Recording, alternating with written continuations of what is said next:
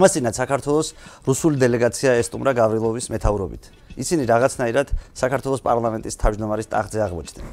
ამ დროს ერთი ქართველი დეპუტატი მივიდა და ამ დელეგაციას მის რომელიღაც წევრს წყალი შეასხა. მე დღეს სტუმრად ეს დეპუტატი მყავს, ბატონი კაკო ბობოხიძე. კაკო ბობოხიძე საქართველოს 9 მოწვევის პარლამენტიდან 7-ის წევრია. ის მონაწილეობდა ეროვნულ გამანთავისუფლებელ მოძრაობაში. თავისი თვალით უნახავს საქართველოს სამოქალაქო ომი, აფხაზეთი. ყველაფერი რაც საქართველოს დამოუკიდებლობის მერე უკავშირდება. მე მინდა მასთან ვილაპარაკო საქართველოსზე, საქართველოს დაბადებაზე, მინდა საქართველოს და რუსეთის ურთიერთობაზე ვილაპარაკო და ვილაპარაკო ყველაფერზე რაც საქართველოსში ხდებოდა დამოუკიდებლობის გამოცხადების მერე. გამარჯობა ბატონ კაკო. გამარჯობათ. როგორ ზანდებით? კარგად. როგორ აღმოჩნდით პოლიტიკაში? როდის დაინტერესდით? რა თქმა უნდა, ეს არ იყო რაღაცა ეგეთი პროცესი, რომ აი გავიღვიძე და უკვე პოლიტიკაში ვარ. ამ პროცესებში ეს ხანგრძლივი პროცესი იყო, თუმცა ბუნებრივია, რომ ამ ეს პროცესები ღიად და აქტიურად გარეთ გამოვიდა 87 წლის ბოლოდან. მანამდე უნივერსიტეტშიც იყო გარკვეული აქტივობები, თუმცა არ ვიყავი თქვა ისე აქტიური, როგორც იყო ცნობილი დისიდენტები, წერეთელი ჭანტურია, თამიკო ჩხეიძე, ბერძნები ბერძენიშვილები, უფრო ადრე ჰელსინკის ჯგუფი, ბერაბ კოსტავა და ზვიად გამსახურდია. რისი გჯეროდათ იმ პერიოდში, რისთვისაც იბრძოდით? აი რა იყო ის რწმენა, რომელიც თქვენს ქმედებებს განაპირობებდა იმ პერიოდში? სხვათა შორის ახლა ვერ დავიჯერ ვერ დავიტრებახებ იმას რომ გინდა თუ არა მჯეროდა რომ საბჭოთა კავშირი დაიშლებოდა. თუმცა ჩემი დამოკიდებულება ზოგადად ისტორიის მიმართ ესეთი ახლა საქართველოს სამწუხაროდ უწევდა სხვადასხვა იმპერიის შემადგენლობებში ყოფნა სხვადასხვა დოზით თქვათ ვასალურ დამოკიდებულების ქვეშ და მე მიმაჩნდა და დღემდე მიმაჩნია რომ დიდხანს და ხანგრძლივად ვასალურ დამოკიდებულებაში ყოფნა რომელიმე ერთ ერთთან არ არის თლად კარგი, იმიტომ რომ ხდება დაახლოება და ხდება დამსგავსება ხდება, ესე ვთქვათ და მე მგონია რომ საქართველოს არა მარტო საკუთარ მებრძოლებმა გადაარჩინა, არამედ გადაარჩინა იმანაც რომ მას უწევდა ერთი იმპერიიდან ვთქვათ მეორე იმპერიაში მეორე იმპერიის დაქვემდებარებაში ხან ბიზანტიის ვთქვათ გავლენის ქვეშ ვიყავით ხან სპარსული მერე სპარსეთსა და თურქეთის ომების ესე ვთქვათ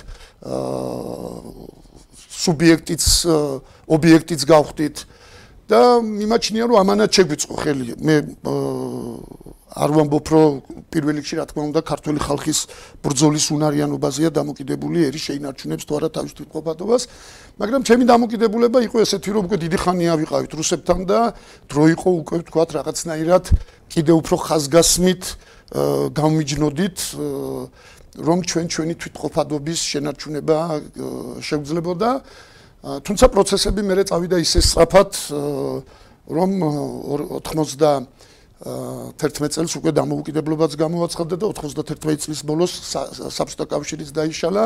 არავითარ შემთხვევაში და ვერავითარ შემთხვევაში ვერ დავეთანხმები მოსაზრებას, რომ აი ყაზახეთმაც მიიღო თურმე დამოუკიდებლობა, ყირგიზეთმაც, შვაზიის ქვეყნებმაც, უკრაინამ, ბელარუსმა, რომელსაც არ უბრძოლია თქვა დამოუკიდებლობისათვის და ვიღაცები გვიკიჟინებენ, რომ აი რო არ გვებრძოლა რა რასაჭირო იყო ბრძოლა, რასაჭირო იყო მსხვერპლი, აი ისე მოვიდოდა ყველაფერი და მე ასე ამას ნამდვილად დავთვლი. არა იმიტომ რომ თქვა ჩვენი მოქმედებები გავამართლო, იმიტომ რომ თუ მაინც ყველაფერი მოხდებოდა, ცხადია რომ მაშინ ფასი არ აქვს იმ 80-იანი წლების ბოლოს ეროვნულ გამათავისუფლებელი მოძრაობის საქმიანობას.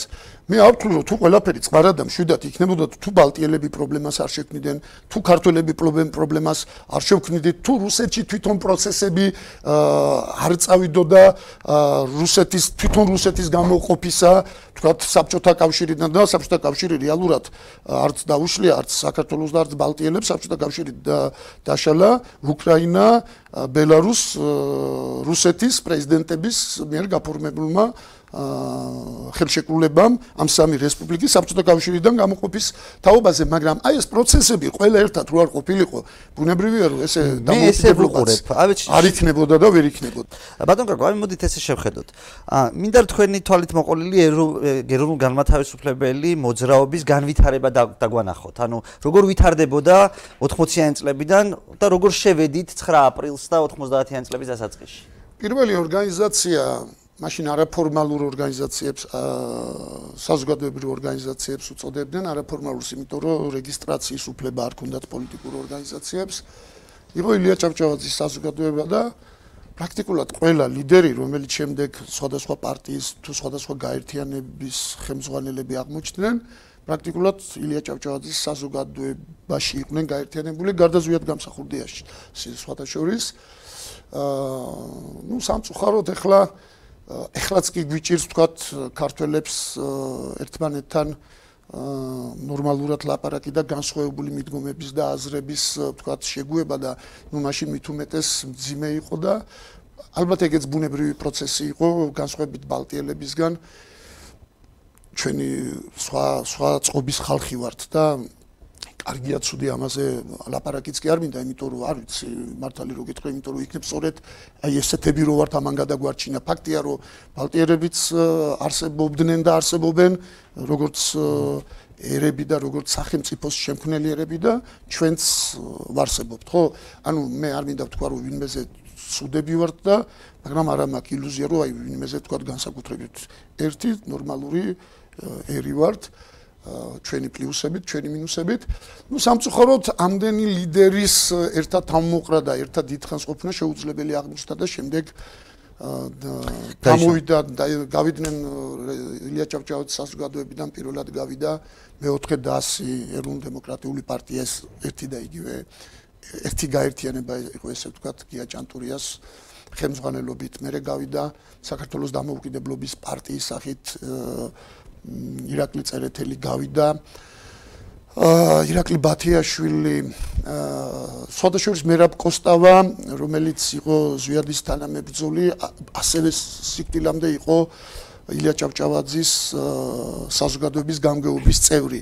ნუ ამას ხას რატო უსვავ, იმიტომ რომ ილია ჭავჭავაძის საზოგადოება იყო პრაქტიკულად ერთადერთი საზოგადოება, რომელიც განსხვავებულ, ესე ვთქვათ, რადიკალურად განსხვავებულ პოზიციაზე აღმოჩნდა ზუიად გამსახურდიას პოზიციისგან და აი მე რა კოსტავა, რომელიც იყო ახლოს თანამებრძოლი, ზუიად გამსახურდიაში იყო ორივეგან, იმიტომ რომ მერაბი თავის ერთ-ერთ თავალ ფუნქციად სწორედ ამას თვლიდა რომ რამენაირად აი შეურიგებლებიც კი შეერიგებია და რამენაირად ყველა ქართულ პოლიტიკურ ძალას მოეძებნა საერთო იადაგი ერთმანეთთან. რუსების ძინაამდე ხა იმან იცოდა მწერები. საქართველოს დამოუკიდებლობის ნიადაგზე რომ ყველა მიუხედავად ჩვენი სხვაობებისა რაღაცნაირად აი ამ დაშლამ ილია ჭაჭავაძის საზოგადოების დაშლამ და ლიდერების სხვადასხვა მხრიდან წასვლამ. ეროვნ თქვენი აზრით ეროვნული მოძრაობა გააძლიერა თუ დაასუსტა როგორ ფიქრობთ? შეიძლება გააძლიერა კიდეც იმიტომ რომ სხვადასხვა გასახანი მეცა არა არა შეიძლება გააძლიერა არა გააძლიერა მგონია იმიტომ რომ ჯერ ერთი ბუნებრივი პროცესი იყო თუ მე და თქვენ ერთად ყოფნა თუ შეუძლებელია რაც არ უნდა ვცადოთ ვერ შევძლებთ ერთად ყოფნას და ფაქტია რომ შეუძლებელი აღმოჩნდა. მე ძალიან გული მწყდება რომ საქართველოს ისტორიაში ჩემი საზრით აა ძალიან მიფერმფრთალდა და ჩაიკარგა ზურაბ ჭავჭავაძის თქვათ როლი და ადგილი. იმიტომ კი არა რომ თქვათ მან მოასწრო და მნიშვნელოვანი როლი ითამაშა. მან გაბედა და ის იყო ცოტა სხვა ხაზის გამტარებელი, რის გამოც მას არ ვიცი სუკის სუკის აგენტის მეც არ ვიცნობ კარგად. არ ვიცი ეს იყო საოცრად გაწონასწორებული საოცრად განათლებული ადამიანი, ადამიანი რომელიც რომელსაც შეეძლო ყველასთან ურთიერთობა, ყველას მოსმენა და რაც ყველაზე უფრო მთავარია, შეეძლო ტრების მოსმენა, იმიტომ რომ ახლა მე და თქვენ ერთმანეთთან პრობლემა მოსმენის არ აქვს. ტრებთან მოსმენაა პრობლემა და ეგ არის ყველაზე მთავარი და მან სხვათა შორის ხაზი რა იყო, ჩემი აზრით სწორი. მე მესმის რომ თქვათ იგივე ოსებთან კონფლიქტში და აფხაზებთან კონფლიქტში ალბათ მოახერხებდა რუსული იმპერია და შეგვიყვანდა. მაგრამ ერთია რომ მოახერხებდა და შეგვიყვანდა და მეორეა ჩვენ რამდენად გაუწიეთ ამას ყველაფერს წინააღმდეგობა და ზურაბ ჭავჭავაძე იყო ის ადამიანი რომელიც მუდმივად ცდილობდა რომ პირადი ურთიერთობები პოლიტიკური ურთიერთობები პირადზე არ არის ლაპარაკი რაღაც ესე ბიძაშვილ მამიდაშვილობის დონეზე. არა ლაპარაკი არის იმაზე რომ პირადი კონტაქტები ქონოდა წმინდა პოლიტიკური კონტაქტები იგივე ალენ ჩოჩიევთან, იგივე თქვა ზურაბ აშპასთან, ანუ აიდგილარასა და ადამონ ნიხასის ხელმძღვანელებთან და ამის გამო სხვათა შორის დიდი გულისწყრომა დაიმსახურა სხვა პოლიტიკური ლიდერებისაგან და მე მიმაჩნია რომ ეს გეზი იყო სწორი გეზი. ჩვენ ყველაფერი უნდა გაგვეკეთებია იმისათვის რომ რამენაირად ერთიანი ფრონტით ერთიანი ნიადაგი შეგვექმნა რუსული იმპერიის წინააღმდეგ დაპირისპირებისთვის და რამენ ყველაფერი უნდა გვეცა და შევძლებდით თუ არ შევძლებდით. შედეგი საბოლოო ჯამში იგივე იქნებოდა თუ არ იქნებოდა ჩვენ არ გქონდა მცდელობის არ არ დაშვების უფლება. ჩვენ უნდა დაგვეწყო ალბათ საუბარი ოსებთან აფხაზებთან თუ როგორი იქნებოდა მათი ადგილი ვთქვათ დამოუკიდებელ საქართველოსში და ის რომ საბჭოთა საქართველოსში ისინი კარგად ცხოვრობდნენ ეს არაფრის გარანტიას არ იძლეოდა სამომავლოდ ხო? მათ ჭირდებოდათ ალბათ ამაზე საუბარი. ამიტომ ზურაბ ჭავჭავაძის გამბედაობა მაშინ არ იყო პოპულარული აფხაზებთან და ოსებთან ლაპარაკი იმიტომ რომ ესე ვთქვათ ცოტა რადიკალური მესიჯებით და რადიკალური დამოკიდებულებაც არ ვიცი ეგ როგორ ჩანს ეგეთი ისავართ რა ქვია ხალხი ვართ უფრო პოპულარულია ხოლმე რა. მე აი ახლა ყველაზე ქუხარე თქვათ ჩვენი ყველაზე დიდი საპატრიოტო ადგილი არის ხოლმე სუფრა, სადაც აი საოცარ სადგრძელოებს ლაპარაკობთ, ლექსებს უძღვნით სამშობლოს, სადგრძელოებს უსმით სამშობლოს და როცა მე საქმე საქმეზე მიდგება და სამშობლოს ჭირდება თქვა ბრძოლა, მე მაინც და მაინც ისეთ დარაზმულობას ქართულ საზოგადოებაში ვერ ხედავთ სამართალი რო თქვენ რასაც ყვებით ახლა ზურაბ ჭავჭავაძეზე იგულისხმება ალბათ რომ ზურაბ ჭავჭავაძე იყო ადამიანი რომელიც საქართველოს ტრებს ხელ შეუშლიდა. ნუ ესეთი ადამიანის არსებობა პოლიტიკურ სპექტრში ხელ შეუშლიდა. მისი გარდაცვალება შეუშლიდა. ფიქრობ რომ ხელ შეუშლიდა იმიტომ რომ კიდე ერთხელ ვამბობ რას იზავდა ალან ჩოჩიევი? მაინც იზავდა არსებდა ერთია მაგრამ სპეკულაცია ცხადია. აი თუნდაც აი მე ბოლო პირდაპირ აი ბოლო პროცესებთან დაკავშირებით. მე არ ვიცი როგორ გამოვიდოდით თქვა გახარია ბახტაძესთან შეხვედრის შემდეგ. მაგრამ მე ფიქრობ რომ არასდროს არ უნდა მიცე მოწინააღმდეგეს აი 20 ივნისის შეხვედრის ცდელობაზე მაქვს ლაპარაკი როდესაც გახარია და ბახტაძესთან ჩემი და პალიკო კუბლაშვილის თქვათ მეშვეობით მოხერხდა შეთანხმება შეხვედრის რომ ვაშაძე გუგულავა და მელია უნდა შესულიყვნენ, ხო? რომც არაფერი დამთავრებულიყო, მე ვთვლი რომ ჩვენ აუცილებლად უნდა შევსულიყავით ლაპარაკზე, რომ არ კონდეს მოწინააღმდეგე სათქმელი რომ რაღაცაზე ვინმე ვარი თქვა. ამიტომ ცდელობა მით უმეტეს არ უნდა დააკლო ამის ცდელობა აა თქვათ მოცა ესეთ სიტუაციას ეხება საქმე და ოსების თუ აფხაზების პოლიტიკურ ხელმძღვანელებთან მით უმეტეს, როდესაც ჩვენ წლების განმავლობაში წამლავდნენ ერთმანეთის წინააღმდეგ. როგორ ფიქრობთ, ზურაბ ჭავჭავაძე ავარიაში მოყვა მერაბ კოსტავასთან ერთად და მე ჩემთვის ასე აცნობილი რომ საეჭო ვითარებაში გარდაიცვალა. თქვენ როგორ ფიქრობთ, რა თქვენი შინაგანი თქვენ ახლა ბევრი გექნებათ ნაფიქრი, შეიძლება ზუსტი პასუხი არ გქონდეთ, მაგრამ თქვენი შინაგანი წვენა გექნებათ ჩამოყალიბებული რა არის? მერაბ კოსტავა, მერაბ კოსტავა იმ დღეს ქუთაისიდან მოდიოდა ჩვენთან შეხვედრიდან ზურაბ ჭავჭავაძე, თამრიკო ჩხეიძე და მერაბ კოსტავა. ქუთაისში იყო ჩამოსული ქუთაისის გამგეობასთან, მე ქუთაისის გამგეობის წევრი ვიყავი ლია ჭავჭავაძის საზოგადოების და მახსოვს მაშინ მე მერაბ გვაზავამ არის ესეთი ძალიან კარგი კაცი და გიზო თავაძემ გამოვაცილეთ და სამწუხაროდ მოხდა ის რაც მოხდა არ ვიცი, მიუხედავად იმისა, რომ უფრო ის აზრია პოპულარული, რომ ეს იყო წინასწარ გამიზნული და მოწყობილი,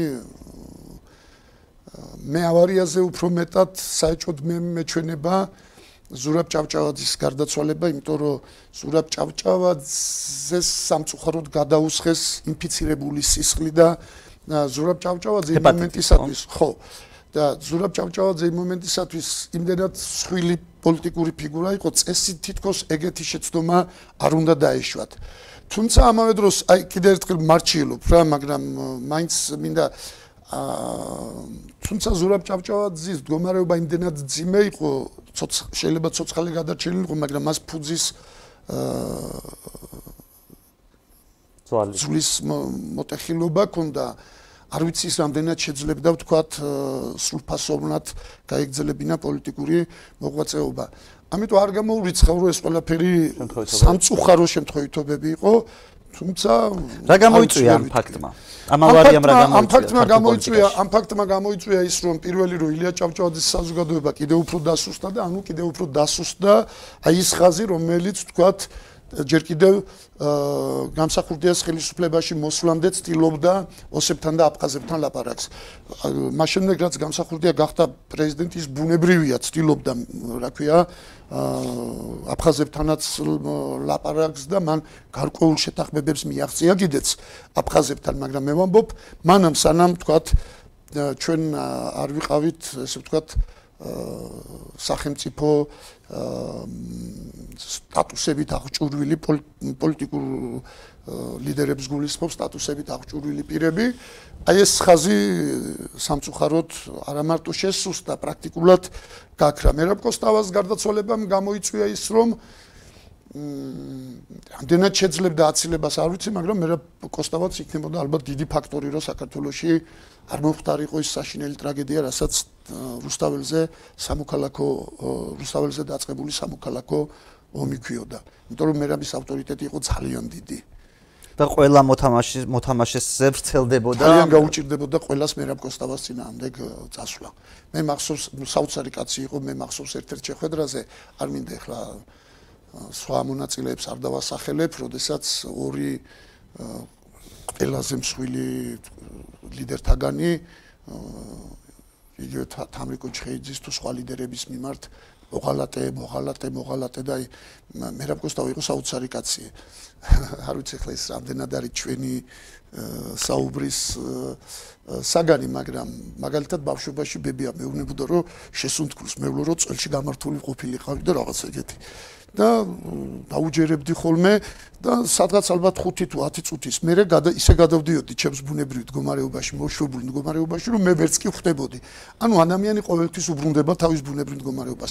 აი მე რაბი იყო ყოველთვის, აი ახლა არ ვიცი თუ კარგად ჩანვარ, აი მუდმივად აი რაღაცნაირად ესე იჭდა და მახსოვს თქვა იმ შეხვედრაზე აი ახლა სახელები არ მინდა სახელების თქმა, აი პირობითად ვამბობ სხვა სახელებს დავასახელებ. ვაჟო გაჩერდი.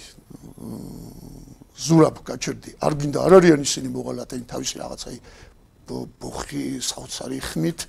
ყოველთვის იყო იმ დამოკიდებულების რომ ადამიანების სხვადასხვა პოზიციების მიმართ უნდა ვქონოდა უფრო მეტი თქვათ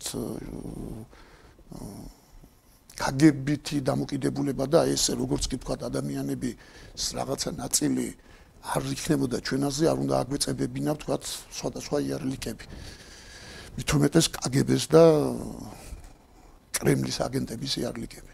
მე მერაბის გარდაცვალების მერე მეც მახსოვს რომ მოიმატა ასეთი სიტყვებით და იარლიკებით ერთმანეთის დახასიათებებმა.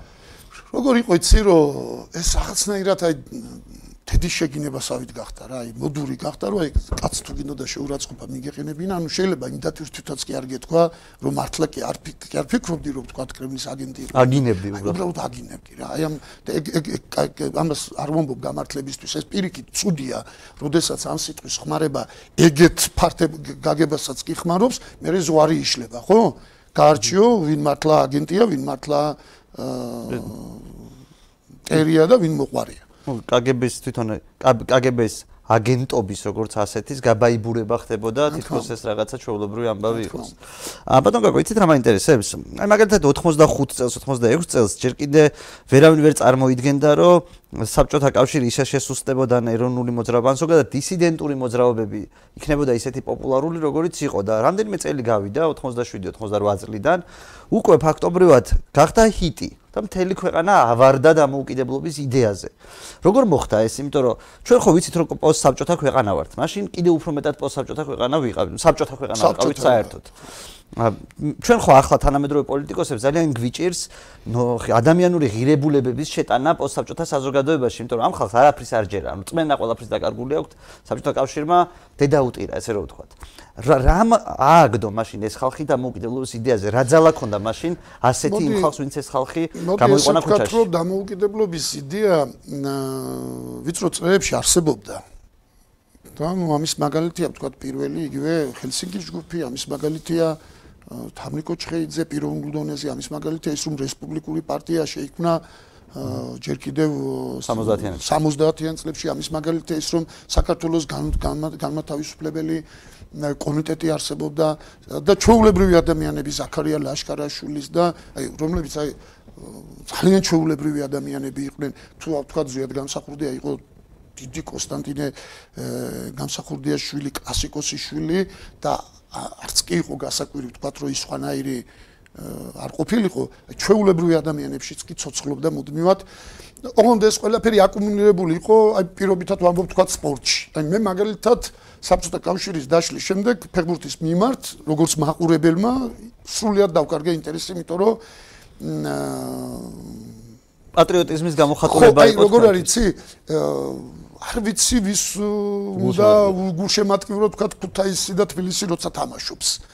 ან თუნდაც ხონი და რომელიღაც თქვა რაიონი, იმიტომ რომ ჩემთვის ისინი ქართველები არიან, თუმცა ბუნებრივია რომ ხონს გულშემატკივრო, როცა თქვა ცენტრი დიას ხდება, მაგრამ აი იქ იყო თლიანად აკუმულირებული. აი რუსებთან ფეხბურთის თამაში ეს იყო აი ეროვნულ განმათავისუფლებელი ბრძოლა ზუსტად იგივე ფუნქცია ჰქონდა ფეხბურთში საბჭოთა კავშირის ჩემპიონატს რა ფუნქცია დღეს გააჩნია რა აქვს. აი ვისთანაც არ უნდა დავმარცხდეთ პრობლემა არ არის. აი რუსებთან დამარცხება მე მგონი ეროვნულ ტრაგედიად აღვიქვავთ და ანუ ეს ყველაფერი მაინც არსებობდა.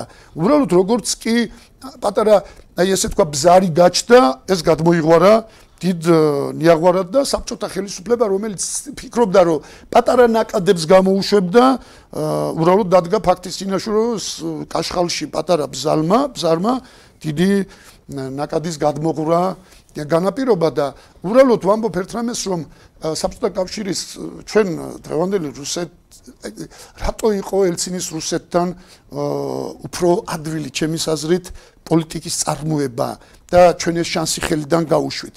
მაშინდელი რუსეთი და გორბაჩოვის რუსეთის ბოლო წლებიც ისევე იყო დამოკიდებული დასავლურ დახმარებაზე, როგორც ვთქვათ, 90-იანი წლების საქართველოს. რუსული ეკონომიკა პრაქტიკულად ჩამოიქცა.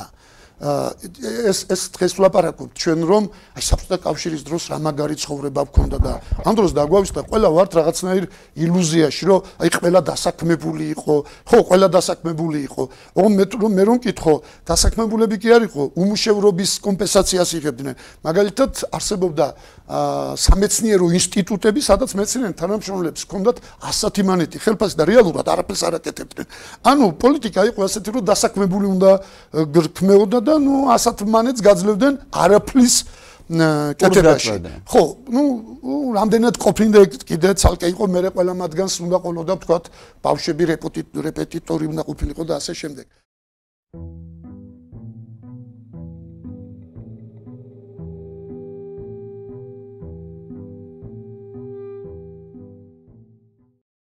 პოლიტიკურმა ძალებმა სამოქალაქო ომში სამწუხაროდ მნიშვნელოვანი როლი შეასრულეს. აა პოლიტიკურმა ძალებმა გაუკეთეთ პოლიტიკური უზრუნველყოფა ამბოხებულ თენგისკიტოვანს. პოლიტიკური უზრუნველყოფის გარეშე თენგისკიტოვანი აა აი გულისხმობა. ის გახდა პოლიტიკური დაპირისპირების ესე ვთქვათ ნაწილი და პოლიტიკური ძალები არ გაემიჯნენ, იმიტომ რომ აი ამ ამ პოლიტიკურ დაპირისპირებაში აი პრაქტიკულად აღმოჩნდა, რომ ყველაფერი მოსულა. სამწუხაროდ საქართველოში იყო მოთამაშეები ვინ? პოლიტიკური პარტიები და რუსეთის. სხვა მოთამაშე უბრალოდ არ არსებობდა და ამ პოლიტიკური პროცესის მონაწილე აღმოჩნდა რუსეთიც, ის ხელს უწყობდა ხან ერთ ხან მეორე მხარეს, ის მოქმედებდა მის ინტერესებიდან გამომდინარე დაინიშნებოდა თუ არ დაინიშნებოდა თქვათ რიგარეში არჩევნები მე არ ვიცი რა სიზავდა კიტოვანი. რა სიზავდა კიტოვანი თქვათ იმ შემთხვევაში რომ დანიშნულიყო თქვათ ახალი არჩევნები მანამდე სანამ თქვათ ის დაუმორჩილებლობას გამოაცხადებდა ზვიად გამსახურდიას მიმართ. შეიძლება მანამ თუ კი ის თქვათ დავალებით მოქმედებდა თუნდაც ამის გამო გამოეცხადებინა მას დაუმორჩილებლობა რატომ ნიშნავდით თქვათ რიგარეში არჩევნებს? ოღონდ ვიმეორებ აი ეს პროცესი რომ მანამდე მომხდარიყო ლაპარაკი მაგ 19 აგვისტოს პუტჩამდე რომ მომხდარიყო პოლიტიკური კონსენსუსი პოლიტიკურ ძალებში, რომ ახალი არჩევნები ინიშნება და იმ საფუძვლით, რომ ახალი პოლიტიკური რეალობა ქვეყანამ გამოაცხადა დამოუკიდებლობა. ჩვენ ავირჩიეთ საქართველოს უზენაესი საბჭო არა დამოუკიდებელ ქვეყანაში და ვიყვნენ ადამიანები, ვინც პირობითად ვამბობ, არ მონაწილეობდნენ არჩევნებში, იმიტომ რომ არ იყო საქართველოს დამოუკიდებელი და ახლა რადგან გახდა საქართველოს დამოუკიდებელი, ისინი მიიღებდნენ მონაწილეობას. ადამიანებმა მიიღებს, თქვათ, გადაწყვეტილება არჩევნებში იმის მიხედვით, ვინ უფრო კარგად მიიყვან და თქვათ პროცეს დამოუკიდებლობამდე. მაგრამ ადამიანებს უნდა დაგვეტოვებია უფლება, ვინ უფრო უკეთესად გაუძღვება, თქვათ, ქვეყანას უკვე დამოუკიდებლობის პირობებში. ასე რომ ნიშნულოვანი რამე შეიცვალა 91 წლის 9 აპრილს და ჩემი საზრით სრულიად ბუნებრივი იქნებოდა იქნებოდა ახალი არჩევნების დანიშვნა და ვფიქრობ ძალიან კარგი იქნებოდა პოლიტიკური თქვა სტაბილურობისათვის. მე არ ვიცი რას მოიფიქრებდა კრემლი. მე არ ვიცი რას იზავდა თქვა იგივე კიტოვანი, მაგრამ ნაკლები საფუძველი ექნებოდა. პოლიტიკური პარტიები მინიმუმ კიტოვანთან ერთად არ აღმოჩნდებოდნენ და მე გეტყვით როგორ გავუკეთეთ პოლიტიკური უზრუნველყოფა, მიტინგების მონაწილე გახდა. ჩვენ პოლიტიკური ძალები ვიდექით იქ სადაც იდგა კიტოვანი და უფრო სწორად კიტოვანი თავისი შეერაღებული ტიპებით იდგნენ იქ, სადაც ჩვენი მიტინგები იყო და ამას ვითმენდით. ცუდია რომ ვითმენდით, მაგრამ ესეთი იყო რეალობა. ეს არ იყო ნორმალური ქვეყანა, არც სახელმწიფო იყო ძლიერი, არ იყო ზოგადად ჩანასახის მდგომარეობაშიც კი არ იყო, ხო? გამოაცხადეთ დამოუკიდებლობა, მაგრამ სინამდვილეში სახელმწიფო ვერ ოპერირებდა. თორე ახლა დღევანდელ მდგომარეობაში და დღევანდელ სიტუაციაში ჩემი საზრით შესწევ საქართველოს იმ ხელა ძალა რომ პირობითად ვამბობ კი თუ კიტოვანების მსგავსი პროცესი აღმოჩნდება პოლიტიკური ძალების მხრიდან პასუხი გაცეს ხო? ეხლა სახელმწიფო გადატრიალებების მოხდენა პოლიტიკურ ძალებს უბრალოდ არ შეუძლიათ. იქ იმ დროს იყო სიტუაცია, როდესაც ჭალებში ლეგიტიმურიც კი იყო ყველა მოქმედება იმდენად არასრულფასოვნად მიგვიჩნევდნენ და მე მახსოვს თქვა საერთაშორისო მხარდაჭერები არსებობდა მეორე მხარესაც.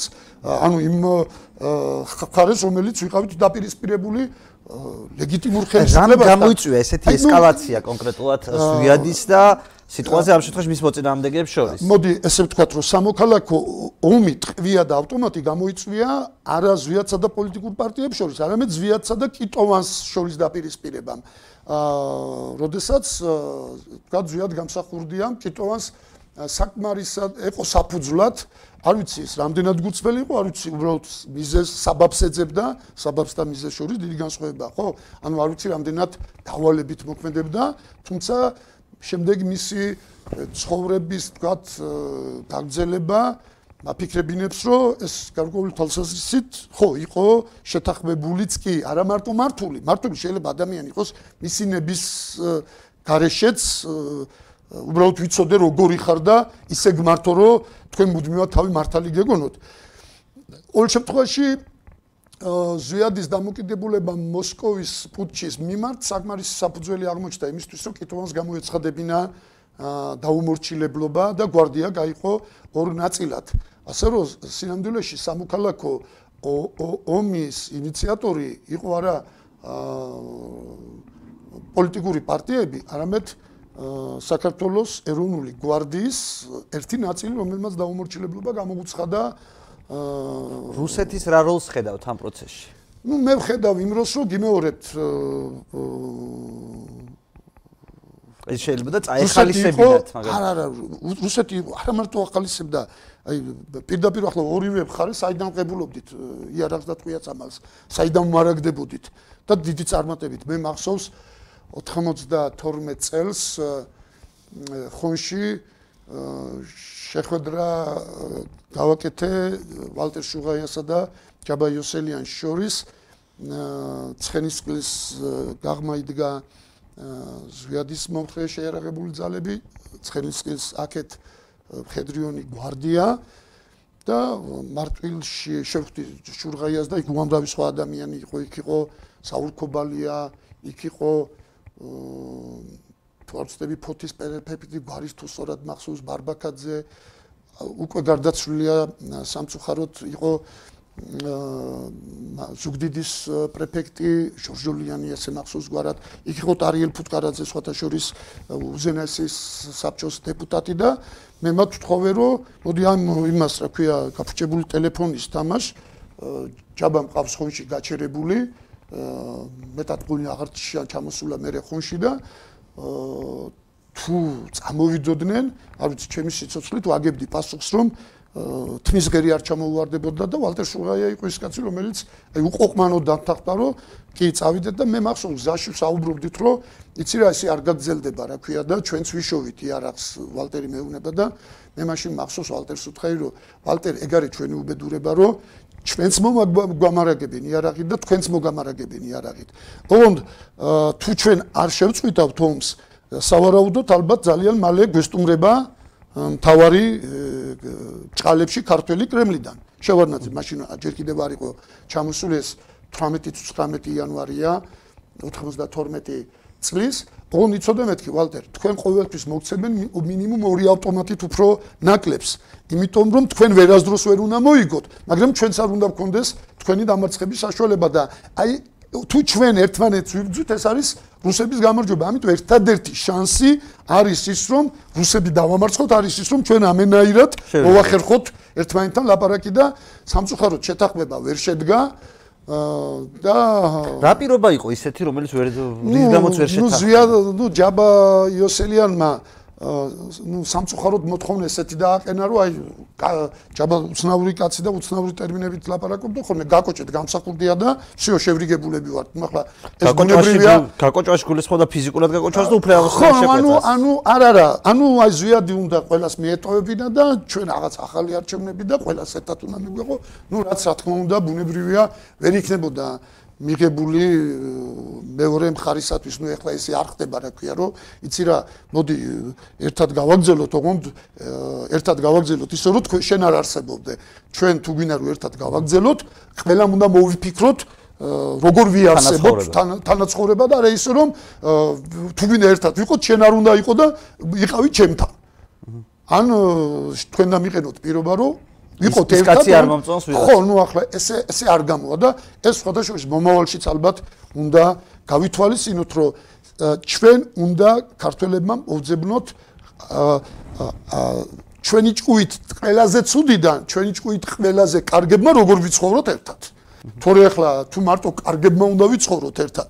იმ ვიღაცებს ჩვენ რო ცუდები ვგონია ჩვენ გონივართ ცუდები და თავისთავი თქვათ კარგები.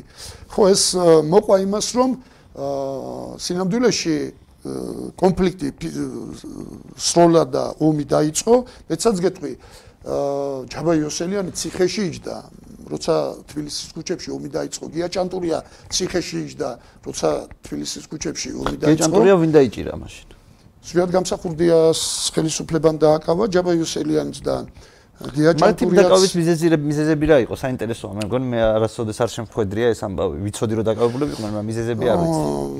ყოველ შემთხვევაში ფიქრობ რომ აქაც შეცდომა იქნა დაშვებული როცა მოსკოვში მიფრინავდა დიაჭანტურია კარგი იყო ცუდი იყო მიფრინავდა. მე სხვადასხვა მე თვლიან რომ ეროვნულ დემოკრატიული პარტიის წევრი ვიყავი ხოლმე წარსულში. ესე ფიქრობენ ნუ ეთყობა იმიტომ რომ ეროვნულ დემოკრატიული პარტია უფრო ისეთი რადიკალური პარტია იყო და არ ვიცი ხა რატომღაც თელი ჩემი მე ვიცი რომ რესპუბლიკური პარტიის წევრი. ხო ანუ რესპუბლიკურ პარტიაში ერთ ყველაზე რადიკალური ტიპი ვიყავი და ამიტომ ალბათ იქეთ იქ ადამიანის ტვინებში უფრო იმათთან უფრო ამსგავსებენ ესე ვთქვათ. და მახსოვს რომ აი აფრენილი თვითფრინავი დასვეს და ფიქრობ ეს შეცდომა იყო იმიტომ რომ ახლა მოსგია ჭანტურიას რა განცხადებები უნდა გაეკეთებინა მოსკოვში, რა განცხადებებსაც არ აკეთებდა ვთქვათ თბილისში და რა მნიშვნელობა თან ზიადგამსეზეთი გია ჭანტურია ჩობდა ვთქვათ სხვა გარემოებებში დაეკავებინა და თემამ სოფლიომ გაიგო ესე ვთქვათ რო თვითფრინავი დასვეს. მაგრამ ვიმეორებ რომ მე არ ვიცი ახლა და ესე ვინ გაათავისუფლა მე არ ვიცი რა ხდებოდა ვთქვათ პირობითად ვამბობ ეგრეთ წოდებულ კობალიას გვარდიაში რამდენად მონაწილეობდა თქვათ რუსული სპეცსამსახურების წარმომადგენლები და ალბათ მონაწილეობდნენ და ყველა მხარეს მონაწილეობდნენ. მე ვამბობ რომ კიტოვანთან ერთად მე მინახია თქვათ გრუს ოფიცრები რომლებიც თვითონ კიტოვანს ჭირდებოდა უბრალოდ სამხედრო რჩევლებად და ეგ იყო ჩვენი ქვეყნის უბედურება, რომ კიტოვანი რაღაც ინფორმაციას გადამოწმებას უკეთებდა გრუსთან, ოდამას აკეთებდა იცი როგორ? აი ქვეყნისთვის მებრძოლი პატრიოტი კაცია, ონა ინფორმაციის აკეთ იყენებს გრუს, მისი განცდა ეგეთი იყო. შევარნაძე FSB-სთან ურთიერთობდა და დარწმუნებული ვარ, რომ ორივე ღებულობდა საჭირო ინფორმაციებს. ოღონ რა საჭირო ინფორმაციებს მას უნდა მიწოდებოდა იმ დოზით და შევარნაძეს იმ დოზით, რომ ჯამი ყოფილიყო მე. ის რაც ჭირდებოდა, თქვათ, აა კრემლს, მაგრამ ვიმეორებ, რომ დაიწყო ეს პროცესი, თუმცა ესე არ ვიტყოდი, რომ მარტო ბალტინის ჯარები მონაწილეობდა, ვთქვათ, ეგრეთ წოდებული სახელმწიფო იმის რა ქვია საბჭოს და მე უკანონო პარლამენტის მხარეს. მე გავიხსენებ მაგალითად რომ მანამდე ზვიად გამსახურდიას ხელისუფლებაში ყოფნის დროს პოლკოვნიკ პატაპოვის ეგრეთ წოდებულმა ღამურებმა ლიტუჩე მიში ესეთი საის იყო რა ქვია სამხედრო რაზმი შამნაბადაზე სამხედრო ოპერაცია ჩაატარა აა მაშველთა კორპუსის და მხედრიონელების წინააღმდეგ. ასე რომ რუსული სხვადასხვა მასშტაბით, მაგრამ რუსული სამხედრო ძალების გამოყენება უცხო არც მანამდე იყო და სამწუხაროდ და ორივე მხრიდან მე ვიტყვი ესეთ რამესაც ვთქვათ რომ რაც არ უნდა ხომ მოეწონოს ვინმე მას სან არ მოეწონოს თუ პარლამენტმა ენგურზე 8 თვის მერე 8 თვის მერე სოხუმის დაკარგვიდან ჩააყენა ეგრეთ წოდებული სამშვიდობო ჯარები. და ამის არანაირი საჭიროება არ არსებობდა. არ ხოცავდით 8 თვე არ არ იყო ეს ჯარები. და არ ხოცავდით ქართველები და აფხაზები უკვე ერთმანეთს. უფრო მეცაც გეტყვით სანამ სამშვიდობო ჯარები არ იდგა გალში აფხაზები არც კი შემოდიოდნენ. იმიტომ რომ არ ქონდათ იმედი თქვათ რომ არ აღმოჩნდებოდნენ რაიმე მოულოდნელობის წინა წინაშე. ამიტომ განში არ აქტიურობდნენ აფხაზები. და როგორც კი სამშვიდობო ჯარები ჩადგა ენგურზე აფხაზებმა მთლიანად აიღეს უკვე შევანაძის დრო არის ხო? უკვე შევანაძის დრო. მაგრამ ერთ რას ვადარებ ერთმანეთს თუ შევარნაძის დროს პარლამენტმა 92-95 წლების პარლამენტმა ჩააყენა სამშვიდობო ჯარები, მე ასევე გავახსენებდი ყველას და ეს აუცილებელია, ეს უნდა ვიცოდეთ, იმიტომ რომ ვიღაცას ნიში მოუგვან, ვიღაცას ვაწყენინო, რომ ჩვენ ყველამ ერთად მივედით იმ ტრაგედიამდე, რასაც სამოქალაქო ქვიოდა. მანამდე ზიად უზენაესმა საბჭომ შინაგანი ჯარები ჩააყენა ცხინვალში. შინა და მახსოვს რუსი გენერლის გამოსვლა საქართველოს პარლამენტში, რომელსაც გვალი მაგიდის და კომუნისტი დეპუტატები ახტაცებული უკრავდა ტაშს. და ჩვენ ვიყავით აი ნუ კატასტროფულ მდგომარეობაში ვიმეორებ 4 კაცი ბლოკი დემოკრატიული საქართველოსდან და სახალხო ფრონტიდან გასული დეპუტატები, როცა გამოვიდა გენერალი და თქვა, რომ აი მე რასაც შინაგან საქმეთა ჯარების გენერალი და მე რასაც ზვიად კასტანტინოვიჩი გამაველებ ჩვენი ბრძანება შევასრულებთ და მაშინ ყვიროდით რომ არ მივცეთ ამის შინაგან ჯარებს ლეგიტიმურად დგომის უფლება, იმიტომ რომ საბჭოთა კანონმდებლობით რომელიც ჯერ კიდევ არსებობდა, იმიტომ რომ ეს არის 92 წლის ბოლო როდესაც ჩვენ ცხინვალთან მოგვიწია შინაგანი ჯარების ჩაყენება, ჯერ პოლიცია შევიყვანეთ და ოსებმა გამოაცხადეს გააუქმეს ოლქი,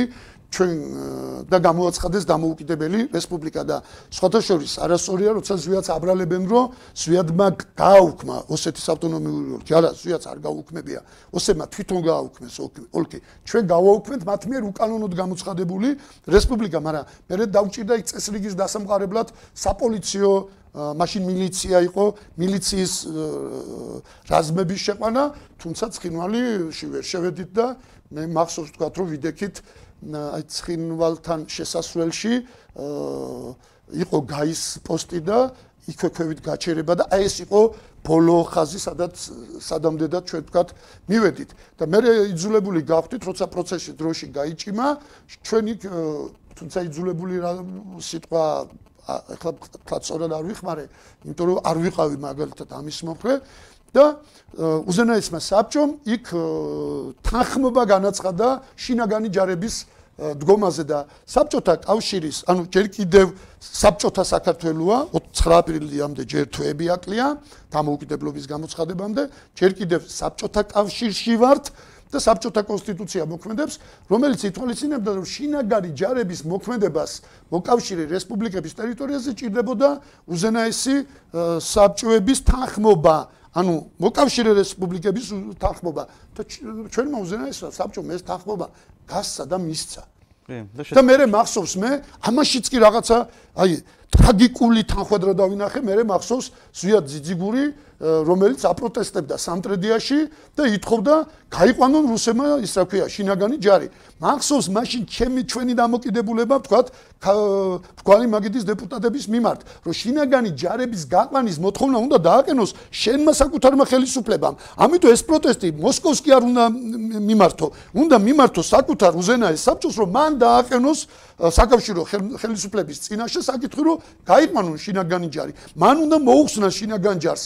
ვთქვათ სტატუსი და რატომ ახსენდება პარალელები მე გაგახსენებთ ბეჟან გუნავას მოქალაქეთა კავშირის აქტივისტის და პარლამენტის წევრის ბეჟან გუნავას მიერ ხელმძღვანელობით მოწყობილ სამშვიდობო ჯარების გაყვანის მოთხოვნით აქციას იმასთან ლარსთან. ოღონდ ბეჟან გუნავაც კრემს თხოვდა რატომღაც სამშვიდობო ჯარების გაყვანას და კრემს კი არ უნდა მოთხოვო, საკუთარ ხელისუფლებას უნდა მოთხოვო, იმიტომ რომ ის არის საკითხის დამსმელი სხვა სუბიექტთან, ამ კონკრეტულ შემთხვევაში ვთქვათ, რუსეთის ფედერაციასთან და არა ოპოზიცია ეგეც საკითხი. ხო, იმიტომ რომ მეორე სახელმწიფოსთან რომელმაც უნდა გაიყვანოს, საკითხი უნდა დასვას ჩვენმა წარმომადგენლებმა და არა ოპოზიციამ ან რომელიმე ინდივიდმა და თან საინტერესო რა არის ცხინვალიდან შინაგანი ჯარების გაყვანას ვაპროტესტებდით სამტრედიაში და ენგურიდან სამშვიდობო ჯარების გაყვანას ვაპროტესტებდით იმასთან, რა ქვია, ლარსთან.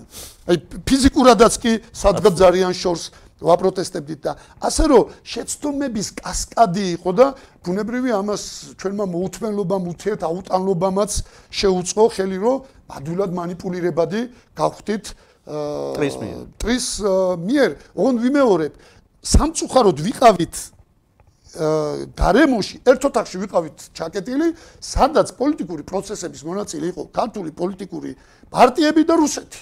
აი ეს იყო ჩვენი გარემო. რუსი კი არ გამქრალა აქ იყო და ბუნებრივია რომ პროცესებში მონაწილეობდა და სამწუხაროდ გვამარაგებდა იარაღით ერთ ყველა მხარეს და დიდი სიამოვნებით გააგრძელებდა ამ მომარაგებას. თუმცა საბოლოო ჯამში რა თქმა უნდა ზიად გამსახურდია მათთვის გაცილებით უფრო მიუღებელი იყო მენტალურად.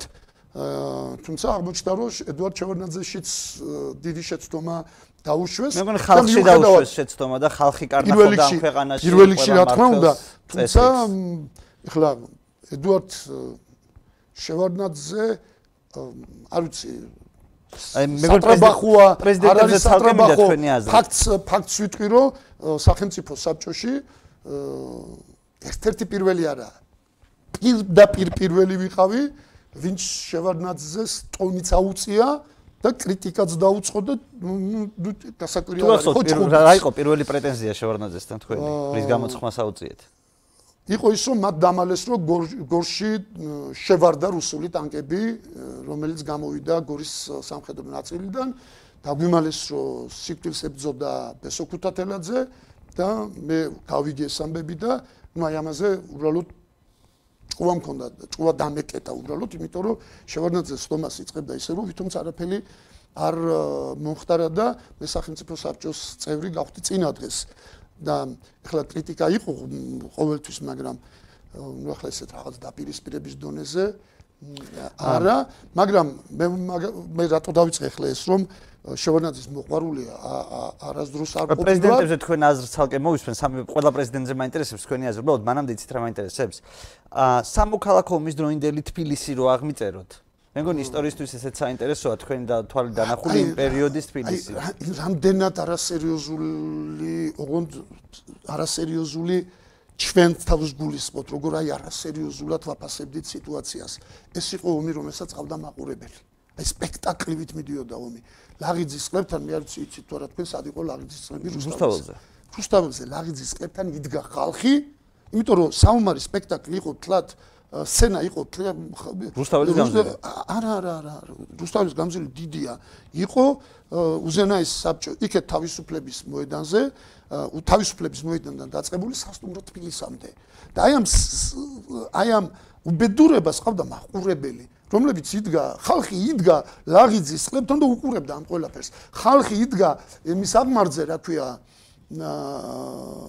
ბარათაშვილის აღმართზე და უყურებდა როგორ ადიოდა კვამლი უზენაესი საბჭოს შენობას. რა თქმა უნდა, აღშფოთებული ვინ ვისი გულშემატკივარი არ ვიცი. მაგ აი რატომეზე იყო, იცი? აი ეგეთ რამეს რომ ღია იყო თქვათ სივრცე სასტუმრო თბილისიდან ლაღიძის წყლებამდე ჩანდა ესე ვთქვათ თავი цаრიელი სივრცე იყო რაღაც მონაკვეთი უზენაესი საბჭოს ხრიდან და აი მახსოვს მაგალითად ჩარისკაცებს შორის შეჯიბრი ვინ გაივლიდა უფრო ნელა ამ ტერიტორიას. აი რაღაც აი ამაზე მეტი უბედურება, აი რომანტიზმით შეფუთული უბედურება უჭირდა, როდესაც ჩარის ამ უბედურებაში მონაწილე ადამიანები ამ გმირობანობასაც კი თამაშობდნენ, რომ აი ამ სივრცეს აუღელვებლად გადიოდნენ და მათ შეიძლება იქ ტყვია მოხვედროდათ, მაგრამ შვიდად ხდებოდნენ. ამ დროს ქვეყანა თავზე გვინგრეოდა.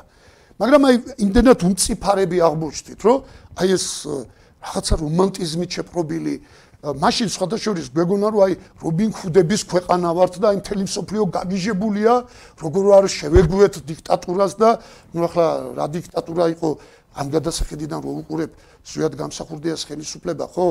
იყო ავტორიტარიზმის ნიშნები, სახელმწიფო არ ქონდა რა დიქტატურაზე უნდა ყოფილიყო ლაპარაკი, მაგრამ აი ორივე მხარეს ვიყავით რაღაც აღტკინებულები და გვეგონა რომ თელი სოფლიო გაუგნებული, განცვიფრებული, აღტაცებული უყურებდა საქართველოს და ეხლა რომ ნახულობ კადრებს რაღაცა იმის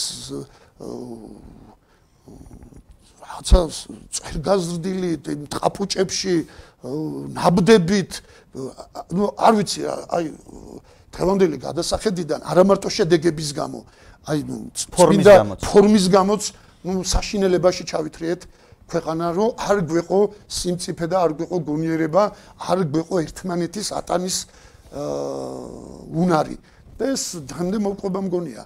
ა ბატონ ბატონ კაკო ზვიად გამსახურდიას მერე ცოტა ხნის განმავლობაში პრეზიდენტი არ ყავდა ხუნტა სამხედრო საბჭო რაღაცა. მე მოვიდა შევარდნაძე. აი ამ პერიოდის ქრონიკას მალევე ხო.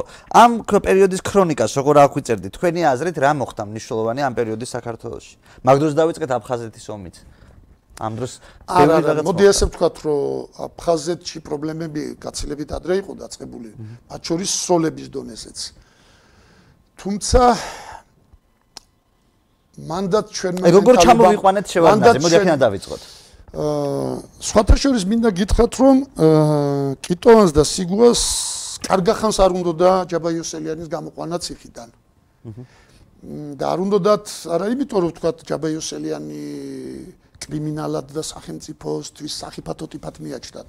არა ისინი ფიქრობდნენ რომ დამოუკიდებლად შეძლებდნენ ზიად გამსახურდიას დამხობას სხვა სიტყვას ახლა უკვე ამ გადასახედიდან ვეღარ ვიხმარ და არ უნდა ძალაუფლების სამომავლოდ გაყოფა ჯაბეიოსელიანზე.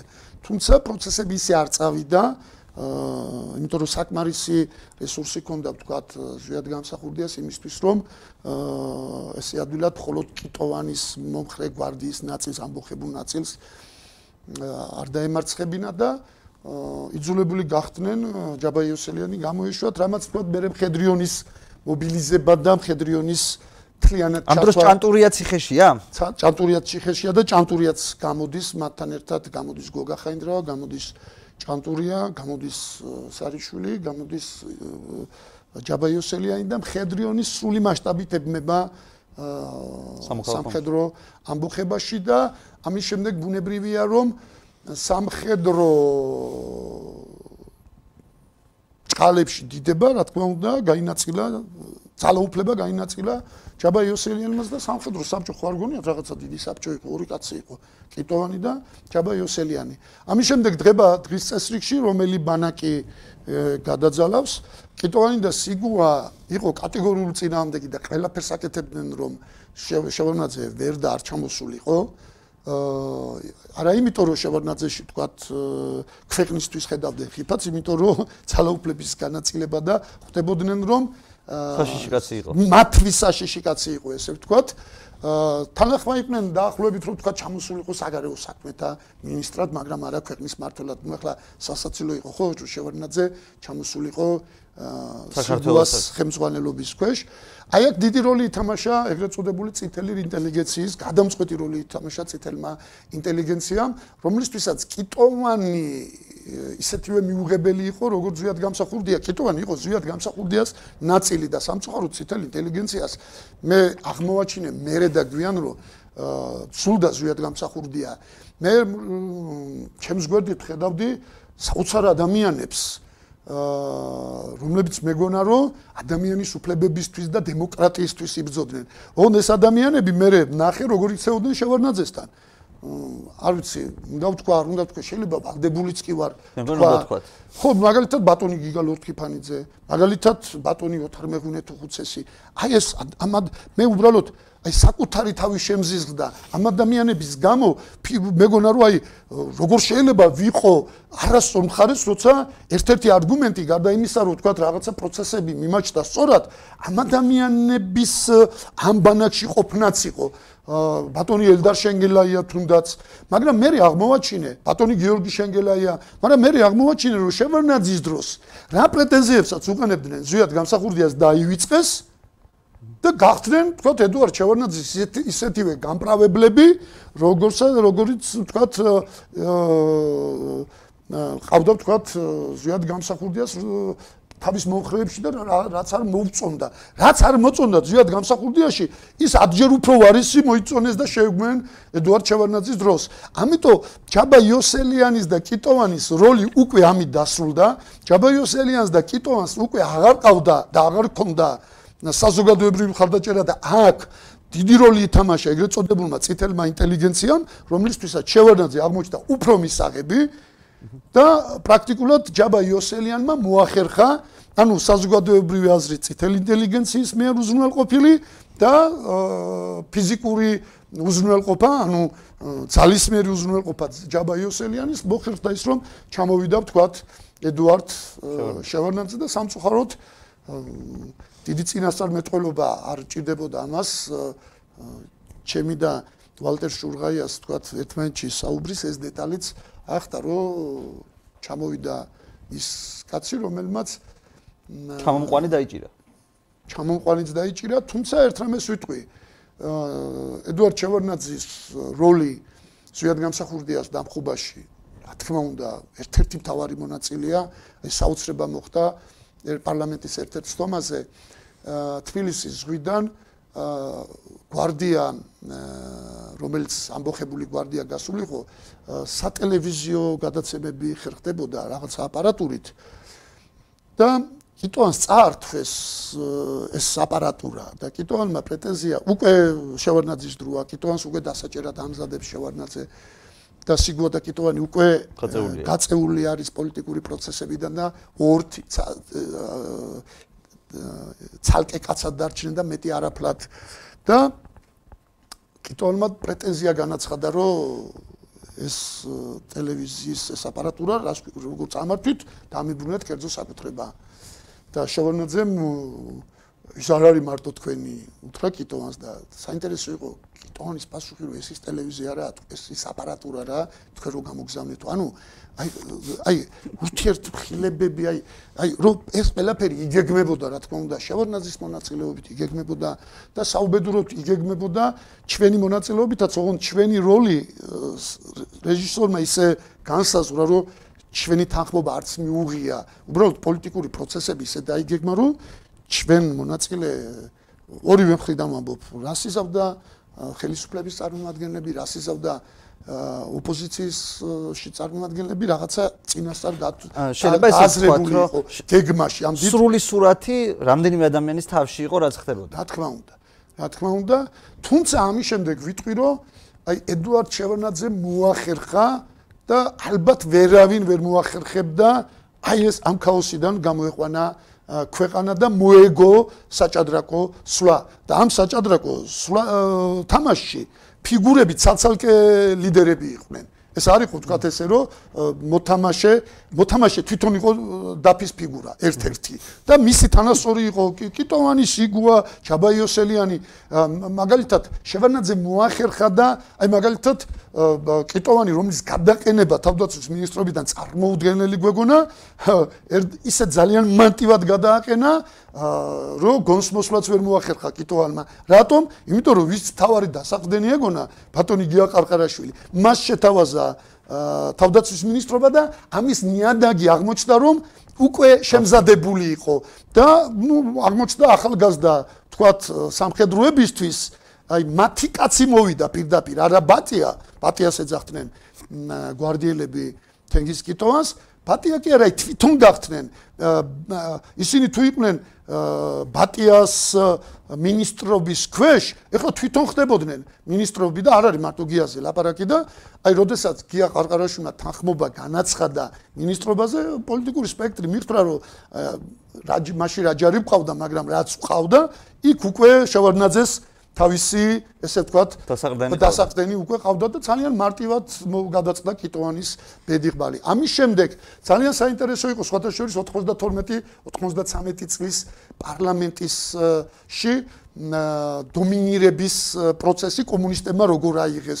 როგორც კი ჩვენ ხო მორალური უპირატესობა გქონდა ეროვნული მოძრაობის თან წამოსულ ადამიანებს, თქვა კომუნისტური ყოფილ კომუნისტ ნომენკლატურის წარმომადგენლებთან, რომლებიც პარლამენტში აღმოჩნდნენ და ვერც კი ბედავდნენ ჩვენს მიერ დაყენებული საკითხის წინააღმდეგ წასმა წასვლას. მაგრამ უცებ ჩვენ შევარნაძესთან გვაქვს პრეტენზია და უცებ იქიდან პასუხს გვაძლევს პოლიტიკურ პასუხს ეროვნულ დემოკრატიული პარტია.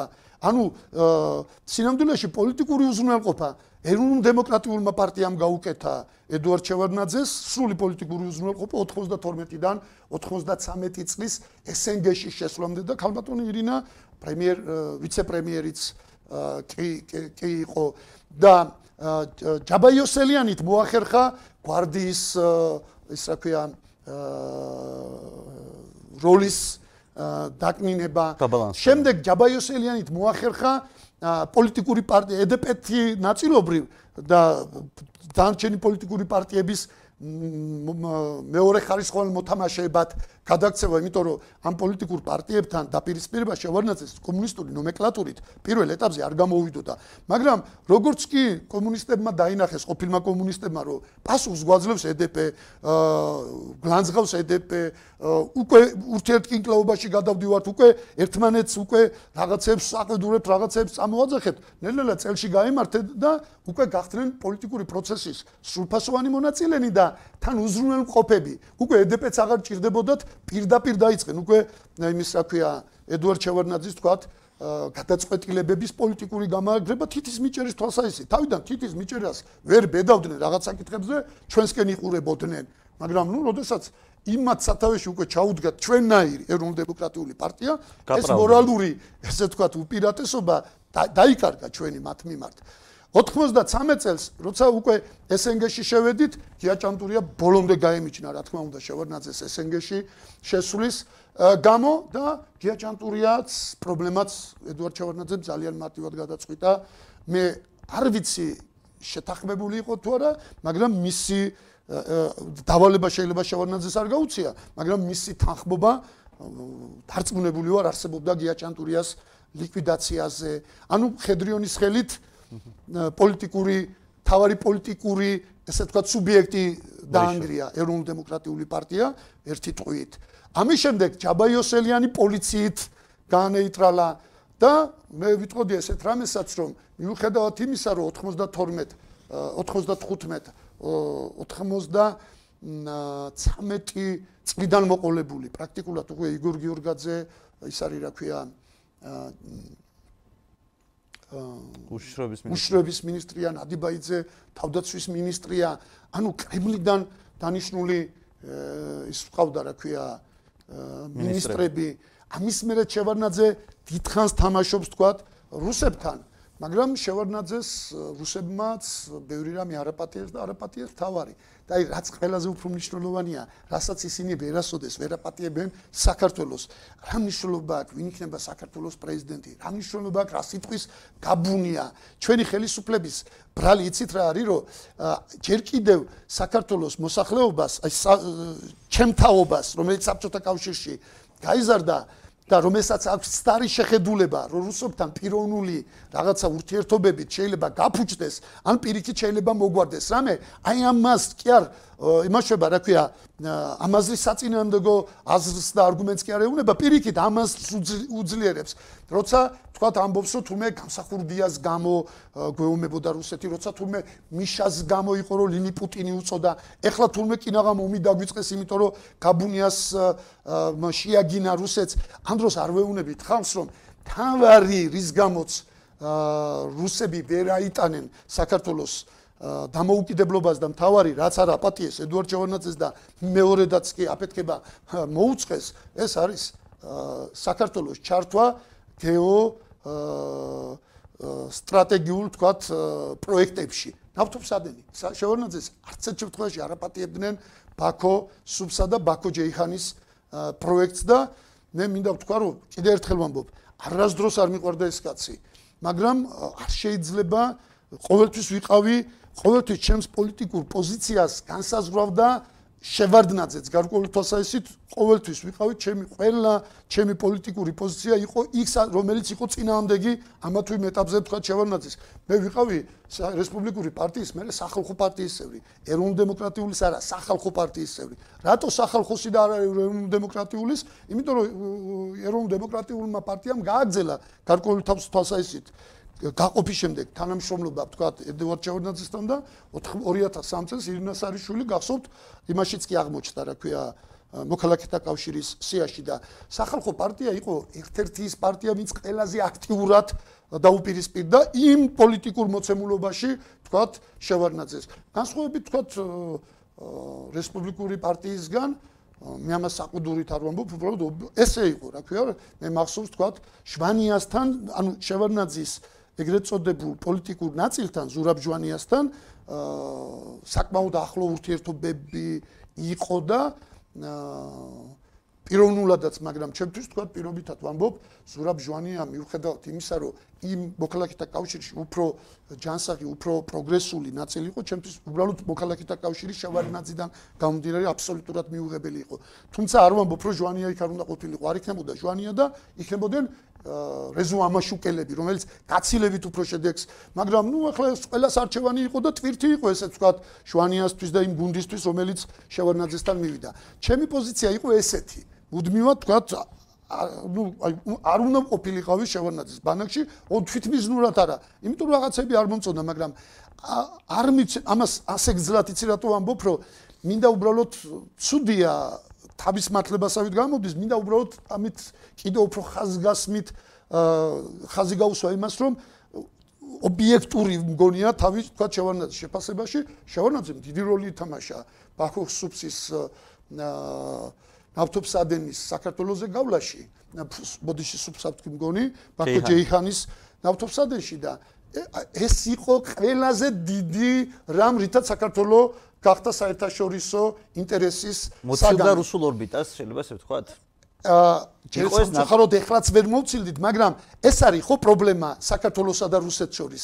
დღეს მთელი სოფლიო ხო ჩtildeოეთიდან სამხრეთისაკენ არ მოძრაობს. ჩtildeოეთის ყინულოვანი ოკეანიდან ინდოეთის ოკეანემდე არის ორი სახელმწიფო სულ. ზევით რუსეთი ქვევით ირანი ერთმანეთთან ნუ კასპიის ზღვით თქვათ საზღვრები არ გულისხმობ ახლა სხვადასხვა ტერიტორიებზე ვთქვათ ნუ ჩინეთს და პირდაპირ ყველგან არ გავიგოთ, მაგრამ აი რომელიღაც ნაწილში მხოლოდ ორი სახელმწიფოა ამ ორ ოკეანეს შორის. ამ ორ ოკეანეს შორის მხოლოდ ორი სახელმწიფოს ეკონომიკა მოძრაობს. მაშინ როცა აღმოსავლეთიდან დასავლეთში და პირიქით მთელი მსოფლიო მოძრაობს, ხო? და აა მაგისტრალები, სარკინიგზო, საავტომობილო, მილსადენები, საჰაერო, კავშირგაბმულობის ელექტროს მაგისტრალები, მათ შორის მობილური მაგისტრალებიც კი, რომელიც გონია რომ აი რა მნიშვნელობა აქვს. არა, ამასაც კი მნიშვნელობა აქვს, ხო? იმიტომ რომ საქართველოს გავლით ეგრეთ წოდებული მობილური ოპერატორები უფრო ხარისხიანად მუშაობენ. ერთადერთი ალტერნატივაა დღეს აღმოსავლეთი და დასავლეთი ერთმანეთს შეიძლება დაუკავშირდნენ ჩვენი სამხრეთით ირან ერაყის გავლით, ჩვენი ჩრდილოეთის რუსეთის გავლით და არსებობს ჩვენი ეგრეთ წოდებული დერეფანი. სამხრეთის ნაწილი ბუნებრივად არის ცუდი გზა, გეოგრაფიულად კარგია, მაგრამ მდგომარეობის გამოა ცუდი. რუსეთი სტაბილურია, მაგრამ იმის გამოა ცუდი, რომ ეკონომიკა რუსეთია და ეკონომიკა მათთვის იარაღია ჩვეულებრივი და ამით манипуლირებს, ამ დროს არის ერთადერთი ალტერნატივა პრაქტიკულად. მე ამიტომ ამბობ, რომ არც ამერიკელს უყვარვარ და ამიტომ გვეხმარება და არც რუსს ძულვარ და ამიტომ გვებძვის. არა, ორივეს აქვს თავისი ინტერესი ამ ტერიტორიაზე. რუსის ინტერესია, რომ მის ქვეყანაზე გადიოდეს ის სიკეთეები, რაც რაც მოაქვს ამ მაგისტრალებს და ვერ გაივლის მის ქვეყანაზე თუ გაიარა საქართველოს ტერიტორიაზე. ამიტომ ბუნებრივია ცდილობს, რომ ამ ტერიტორიაზე არ გაიაროს და ამ ტერიტორიაზე ვერ გაივლის ერთ შემთხვევაში თუ აქ იქნება ქაოსი, უბედურება, ამიტომ რუსისთვის ქართული სახელმწიფო და აქ წესრიგი მის შემადგენლობაშიც კი არის მიუღებელი. ხოლო აღონ ამერიკელებისთვის აქ წესრიგი არის აუცილებელი. მათ აქ სახელმწიფოებრივი წესრიგი ქართველებისთვის კი არ უნდათ, უბრალოდ უნდათ. უბრალოდ უნდათ, ოღონდ მათი ეს სურვილი და ჩვენი სურვილი რომ ხონდეს სახელმწიფო ერთმანეთს ემთხვევა. რატო უნდა ჩამოიყვანოს გზის მშენებლები ინჟინერები თქვათ ამერიკიდან? რატო უნდა ჩამოიყვანოს ამ ტერიტორიის მართველები ამერიკიდან? მოდის და გეუნება ოღონდ მოაწესრიგეთ ის რაც მე მინდა. და რა უნდა? წესრიგი და სტაბილურობა.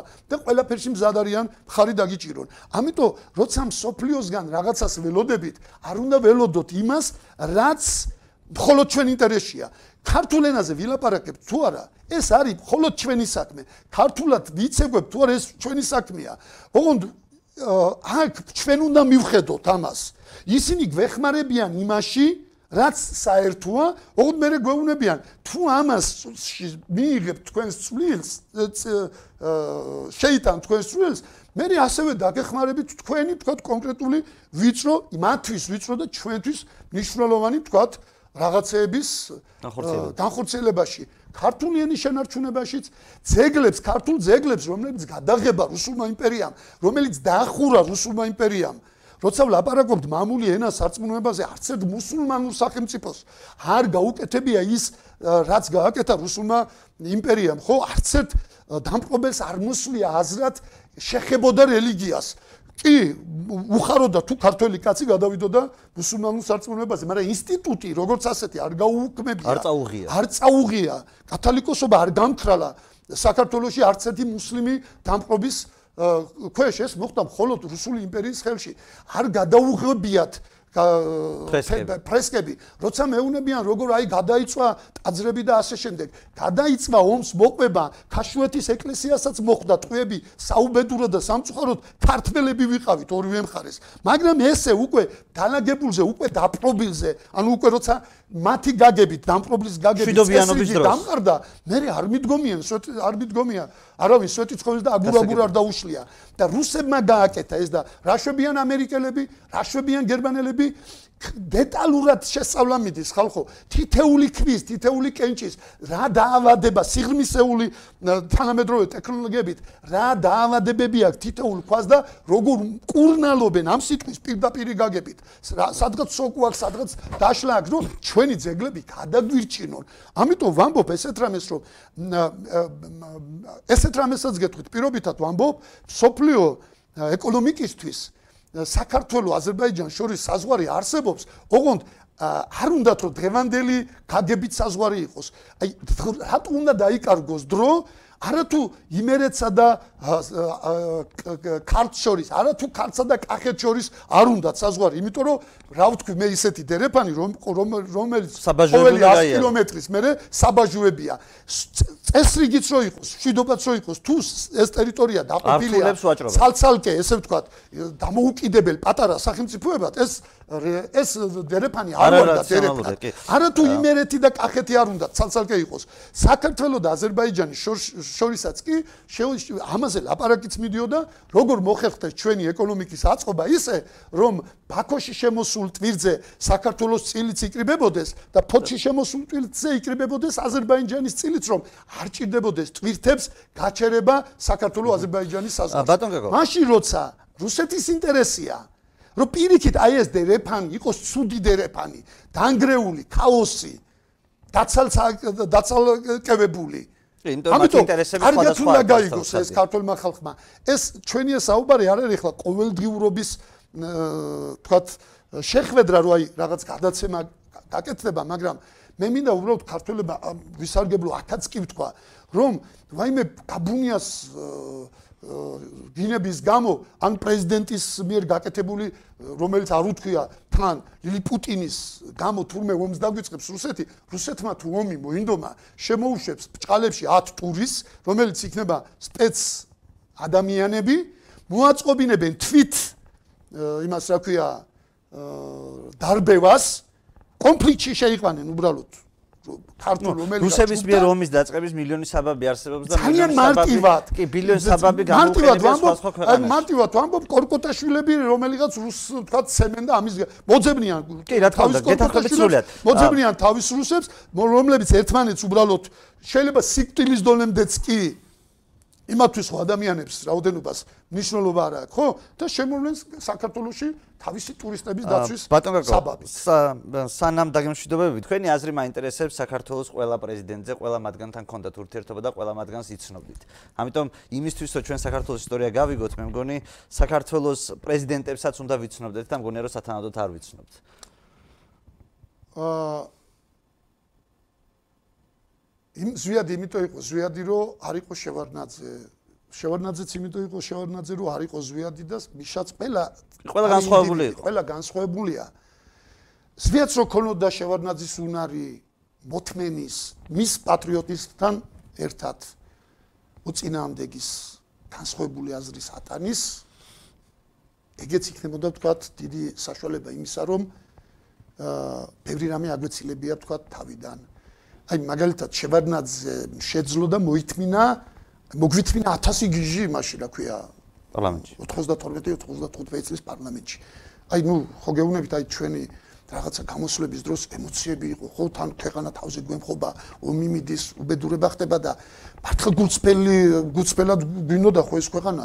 ახლა მიუხედავად იმისა რომ ჩვენი შეცდომებით ქვეყანა წინ კი არა შეიძლება ჩვენ ჩვენ ვიყავით პირველ რიგში ქვეყნის შეფერხების მიზეზი გულწრფელად გვიყვარდა. ხო ეს ქვეყანა და ემოციების აი გიждდებოდით და შეურნაძე იყო აუღრებელი, აუღელვებელი, ითმენდა უზარმაზას შეურაცხყოფებს, პირად შეურაცხყოფებს, პირდაპირ გინებებს, პირდაპირ აი მაგალითად მიშა სააკაშვილმა რომელსაც მაწვთვლი რომ უზარმაზარი როლი შეასრულა ქართული სახელმწიფოს ჩამოყალიბებაში და სახელმწიფო აი არ შემდგარი სახელმწიფოდან მე ვთვლი რომ სახელმწიფოდ შექმნა. ხო ერთი ჯონდი ბაღათურია ვერ აიტანა საქართველოს პარლამენტში. ანუ ზვიაც რო ქონოდა შევარდნაძის დონის გადაყლაპვის უნარი. აი ხო გეუბნებით იტანდა კიტოვანს სანამ არ მოიშორა. იტანდა იმას რა ქვია იმას რა ქვია ჯაბაიოსელიანს ჭალტურიას აპირწონეთ მე ჯაბაიოსელიანი როგორც უკვე ის მოიშორა ამას ყველაფერს ჭირდებოდა პირობითად ვამბობ მოთმინებები. რო ქონოდა ზვიაც ეგეთი ფიცხი იყო ზვიათი. ფიცხი იყო ზვიადი. ფიცხი იყო ის რა ქვია მიშა სააკაშვილი. იმპულსურები იყვნენ თქვა გადაწყვეტილების მიღების დროს მეც ასეთი ვარ, მაგრამ ახლა ჩემი როლი ქვეყნის ბედნიერებაშიც და უბედურებაშიც არის მიზერული, ხო? იმიტომ კი არა რომ ჩემი დანაშაულებები დავამცრო, უბრალოდ ჩემი პატარა ვარ იმისთვის რომ ხო, პატარა ვარ იმისთვის რომ რაღაცას დიდი გავლენა ვთქვათ, მოვახდინო. მაგრამ რო ვთქვა რომ აი ესეთი რო ყოფილიყო, ნუ ვერ იქნებოდნენ, იმიტომ რომ ახლა ადამიანები ესე სხვანაირები იყვნენ. ნებისმიერ შემთხვევაში მიუხედავად იმისა, სვიად გამსახურდია დაუშვა, არ დაუშვა შეცდომები მართვაში, ურთიერთობებში, პოლიტიკურ ლავირებაში, ის საქართველოს ისტორიაში, მე ხო ისტორია დეტალებს აა ვერამჩნევს და ის საქართველოსში შევა დამოუკიდებლობის რეფერენდუმის ჩამტარებელი და დამოუკიდებლობის მომპოვებელი კაცი. მე სამწუხაროდ და საბედნიეროდ ჩემი სახელი და გვარს ისტორია იმედი მაქვს დაივიწყებს, მაგრამ მე აღმოჩნდი საქართველოს თქვათ კანონიერი ხელისუფლების დამამხობლების მაგრამ თქვენ ამ აღიარებას შეგიძლიათ სხვისგან განსხვავებით. ხო თუმცა თუმცა თუმცა როცა ჟიადისტები მეუნებიან რომ აი ყოჩაღრო აღიარე მე ამით წინა ხელისუფლების პასუხისმგებლობას ავხსნი პასუხისმგებელი პროცესებზე ყოველთვის არის ის ვის არის უფროსი. მან უნდა მოახერხოს მან უნდა დაალაგოს.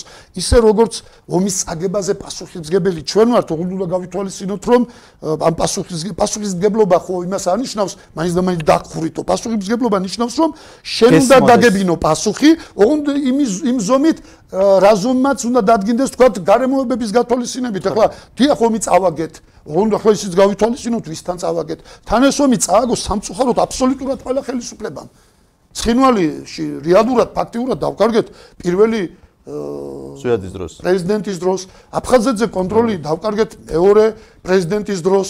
შემდეგ იმაზე რა ქვია სამაჩაბლოს დარჩენილ ნაწილზე მესამე პრეზიდენტის დროს მე ბორდერიზაცია მიდის და გრძელდება ტერიტორიების და არა მარტო მე მახსოვს ჩემი გამოსვლა ერთხელ წინა პარლამენტში საქართველოს პარლამენტში როცა უთხარი რომ სამწუხაროდ საქართველოს კიდევ უფრო დიდი მარცხი იწვნია 2012 წელს და სააკაშვილის ხელისუფლება არ დამარცხებულა მხოლოდ 2008 წელს. 2012-ში კიდევ უფრო დიდი მარცხი იწვნია როცა თქვენ მოხვედით ხელისუფლების სათავეში და თქვენ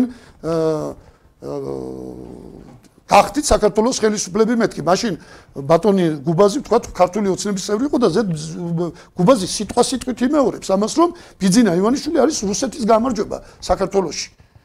ანუ მარცხებით სამწუხაროდ მარცხების თელი კასკადი გვაქვს, მაგრამ გვაქვს წარმატებების კასკადიც, იმიტომ რომ ამ ბრძოლაში ვინარჩუნებთ ჩვენს თავს. იმიტომ რომ ერთია რა გვინდა ჩვენ? მეორეა რა უნდა მოწინააღმდეგეს?